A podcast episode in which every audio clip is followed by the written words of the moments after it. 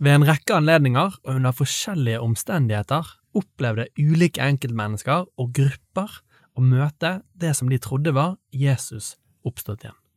William Lane Craig. I denne podkastserien undersøker vi det Jørn Lier Horst har kalt historiens største cold case, nemlig Jesu oppstandelse. Serien består av ti episoder, og det er Tro og Medier og Damaris Norge som står for produksjonen. Sjekk ut oppstandelsen.no for flere ressurser om dette temaet.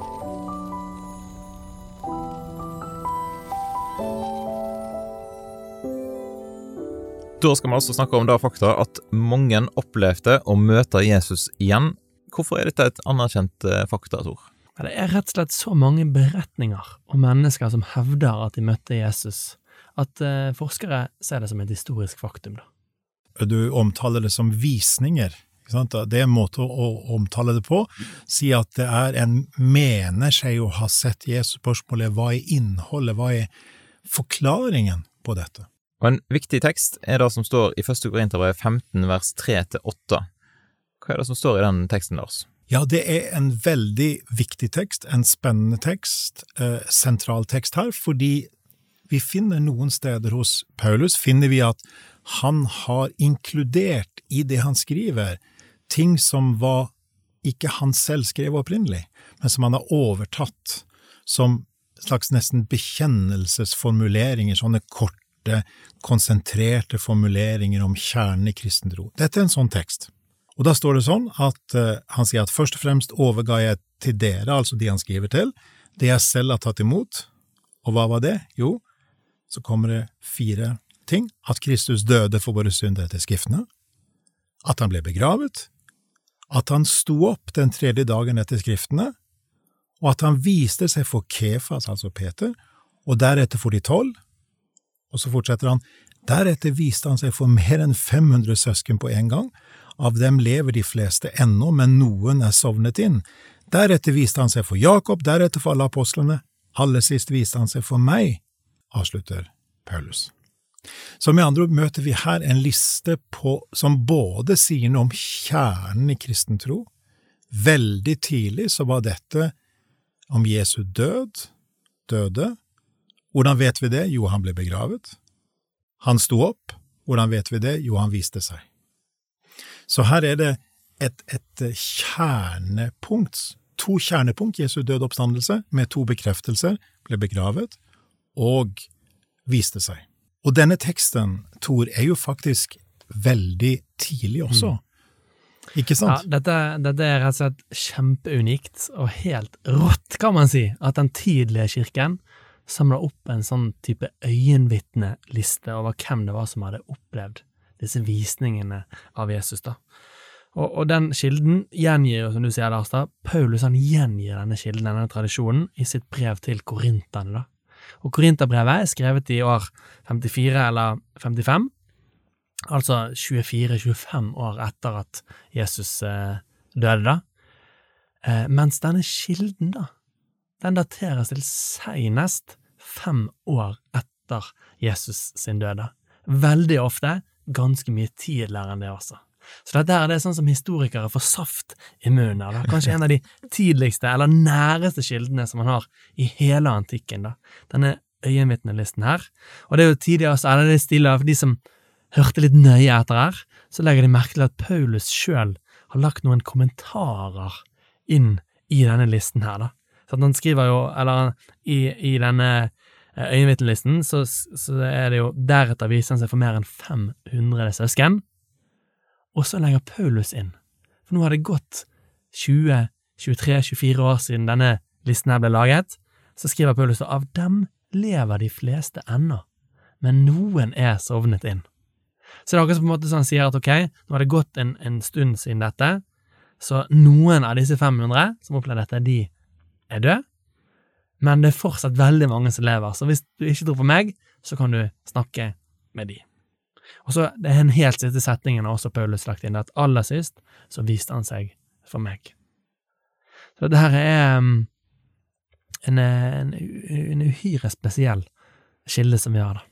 Så dermed kan vi si at om vi skal finne det første vitnesbyrdet, det første på en måte fortellingen fra de, de som sier seg å ha vært øyenvitne her, så må vi gå faktisk til dette stedet i Nytestamentet. Fordi de fleste forskerne, som Tor helt riktig sier, henviser dette tilbake til at Paulus har tatt imot det veldig tidlig, senest fem år etter hendelsene, sannsynligvis. Mm. Og det er også interessant å tenke at så tidlig som maksimalt fem år etter Jesu døde oppstandelse, så bruker en formuleringer som Kristus døde for våre synder etter Skriftene.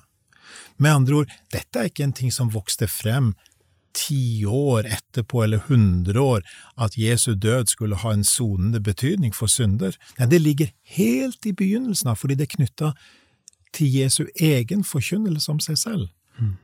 Så her ligger det så mye i denne teksten, og, og det er nok den Det er ikke uten grunn at, at dette kapitlet kalles oppstandelseskapitlet, fordi det er liksom et, et nøkkelkapittel, også fordi det inneholder denne bekjennelsesformuleringen i kapittel eh, 15, 4, 5 og 6, eh, og at det fortsetter videre, ikke sant? Eh, unnskyld, 3, 4, 5 blir det, kapittel 15, 3-5, og at vi ser at her er det om å gjøre for Paulus, og han har sagt han har overtatt noe, han har fått noe, overlevert til seg, og han overleverer det videre.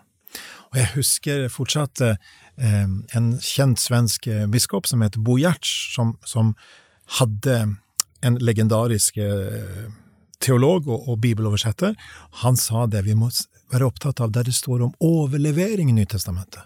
Der det står at noen av, Han har altså fått det fra muntlig.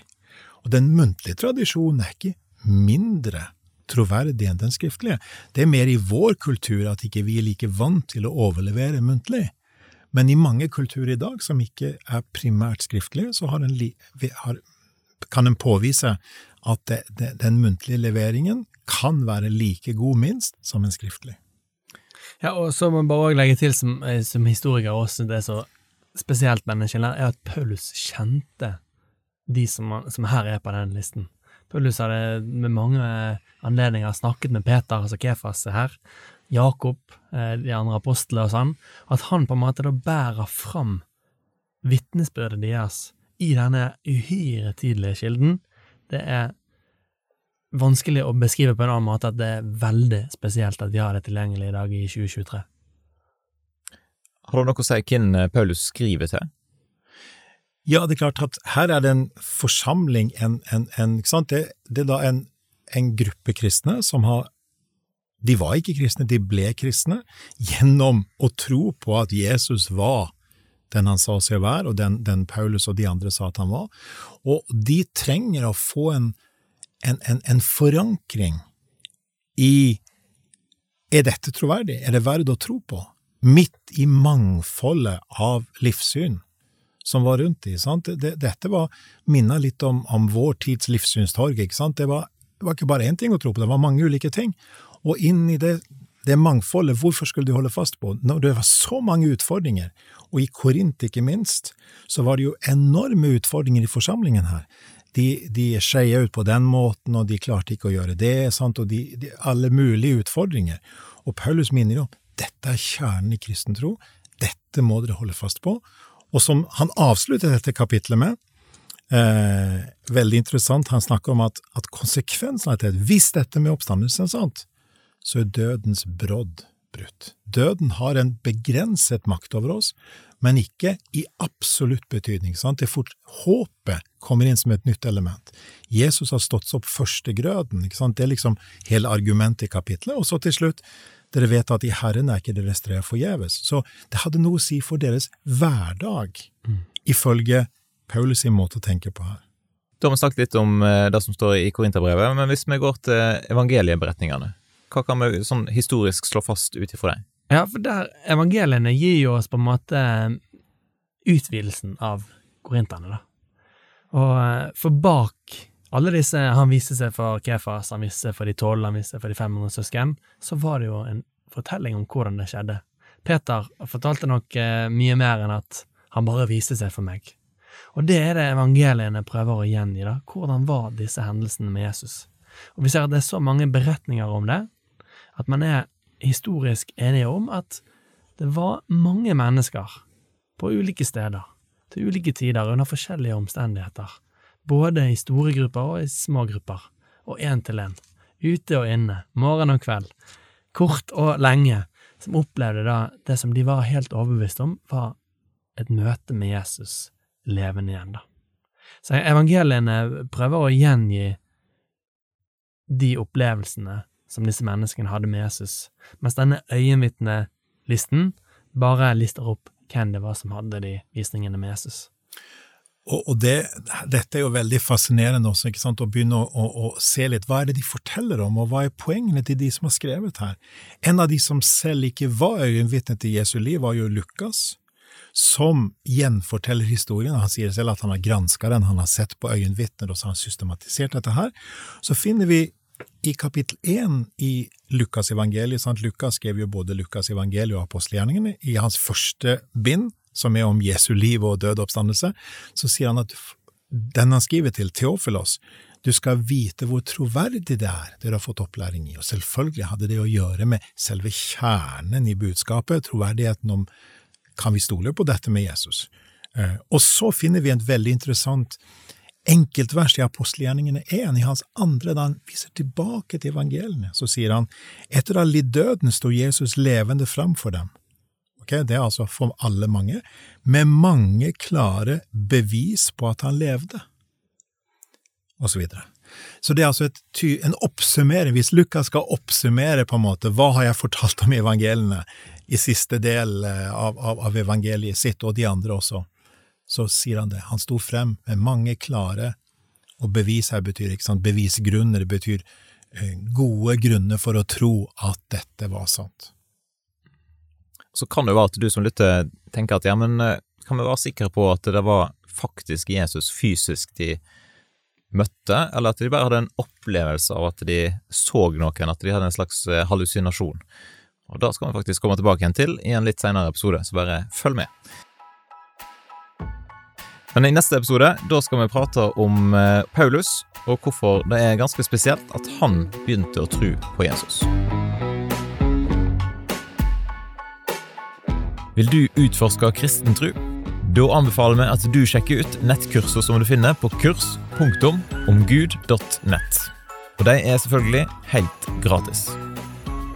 I podkasten har du hørt Tor Håvik, prosjektprest i Bjørgvin bispedømme, Lars Dale, førsteamanuensis i teologi, religion og filosofi ved NLA-høgskolen Gimlekollen. Og Kjetil Fyllingen, leder for omgud.nett i tro og medier.